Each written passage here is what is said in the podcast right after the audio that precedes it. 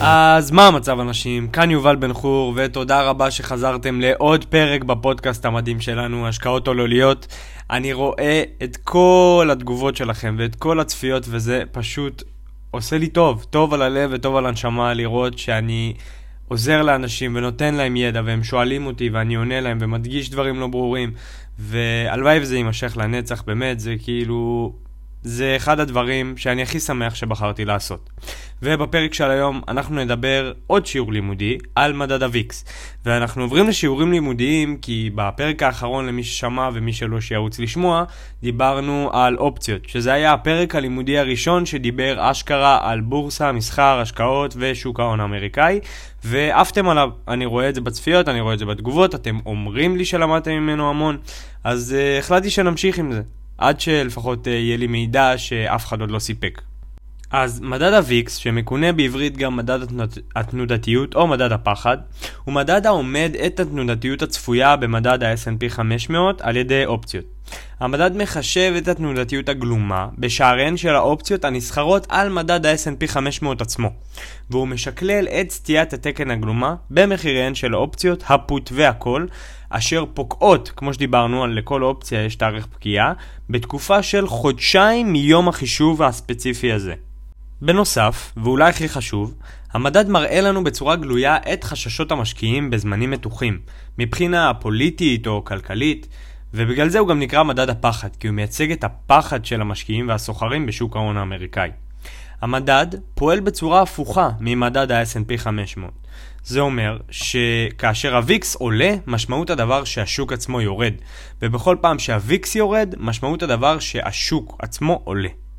על נכס הבסיס, כלומר על הוויקס, לא ניתן לסחור אלא על ידי חוזים או אופציות.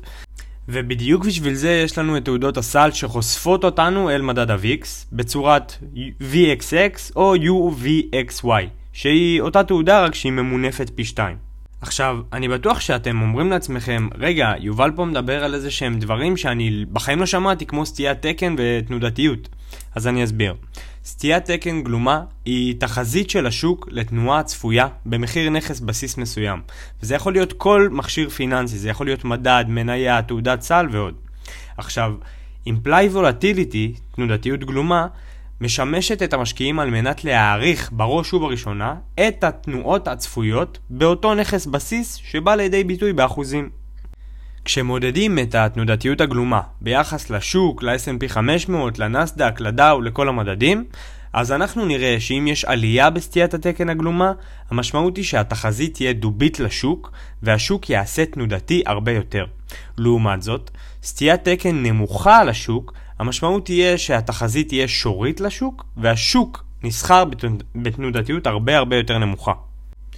בשאר נכסי הבסיס, שהם אינם מדדי השוק או תעודות סל עוקבות שוק, התנודתיות יכולה להיות גבוהה גם במקרים של עליות וגם במקרים של ירידות באותם נכסים. זה קרה בעיקר לפני פרסומי דוחות החברה. התנודתיות הגלומה היא לא צופה את כיוון הנכס של הבסיס, אלא רק את התנועה שצפויה להיעשות למעלה או למטה. עכשיו, איך כל זה בעצם משמש אותנו? אז דרך מדד הוויקס אנחנו יכולים להביט במבט כללי על השוק. המדד של הוויקס לא עובד לפי היצע וביקוש כמו שכבר אמרנו, אלא הוא עומד את התנודתיות הגלומה של מחירי האופציות במניות ה-S&P 500 בפקיעה הנוכחית לעוד חודשיים. עכשיו, מתוקף כך ישנם רמות ספציפיות ומחזוריות, שבהם על פי המדד ניתן להבין את התנודתיות הגלומה בשוק נכון לעכשיו, ואני אסביר. יש רמות שהן רמת ה-11, רמת ה-13, רמת ה-15, רמת ה-20 ורמת ה-50 בשוק, שהן מעידות על אוקיי, אם המחיר ברמה כזאת בוויקס, מה קורה בשוק עצמו. עכשיו, כשהוויקס נמצא ברמת ה-11 נקודות, אז הכל בסדר, זה רמה ממוצעת של המדד, וזה אומר שהשוק רגוע, משמע בעלייה. כשהוויקס על רמת ה-13 נקודות, זה אומר שהתנודתיות קצת יותר גבוהה, אבל היא עדיין נחשבת בתנודתיות נמוכה והשוק עדיין עולה. ברמת ה-15 נקודות ומעלה, זה אומר כבר שהפחד שורר בשוק, יש דם ברחובות והמשקיעים מפחדים. יש מצב מאוד גדול שברמה כזאת אנחנו כבר נראה את השוק יורד. אבל מאז מרץ 2020, ואם התאריך הזה מוכר לכם, אז תחילת הקורונה, רמת ה-15 נקודות החליפה עם רמת ה-11 נקודות. מה שאומר שרמת ה-15 נקודות היום נחשבת לרמה הנורמלית בשוק, בוויקס. כאשר הוויקס נמצא על 15 נקודות נכון להקלטת הפרק הזה, זה אומר שהתנודתיות נמוכה והשוק יכול לעלות בצורה חופשית. רק אחרי שהוויקס יעלה מעל רמת ה-20-25 נקודות, נכון להיום, רק אז השוק יתחיל להראות שיש פחד. בונוס קטנטן שאני רוצה להוסיף לפרק הזה, מאחר וכבר דיברנו על ה-VIX ועל אופציות ועל תנודתיות גלומה, היא שאחד הגורמים המרכזיים לתמחור של אופציות, כלומר לפרמיות, לצד גורמים נוספים, הוא התנודתיות הגלומה עצמה. כשנכס בסיס נסחר עם תנודתיות גלומה גבוהה, משמע שהפרמיות על המחיר של האופציות שלו גבוהות בהרבה ממה שהן שוות באמת, כיוון שהמשקיעים צופים תנודתיות גבוהה בנכס, וככל שהתנודתיות עולה, אז תהיה התקן עולה ומחירי האופציות יעלו יחד איתן.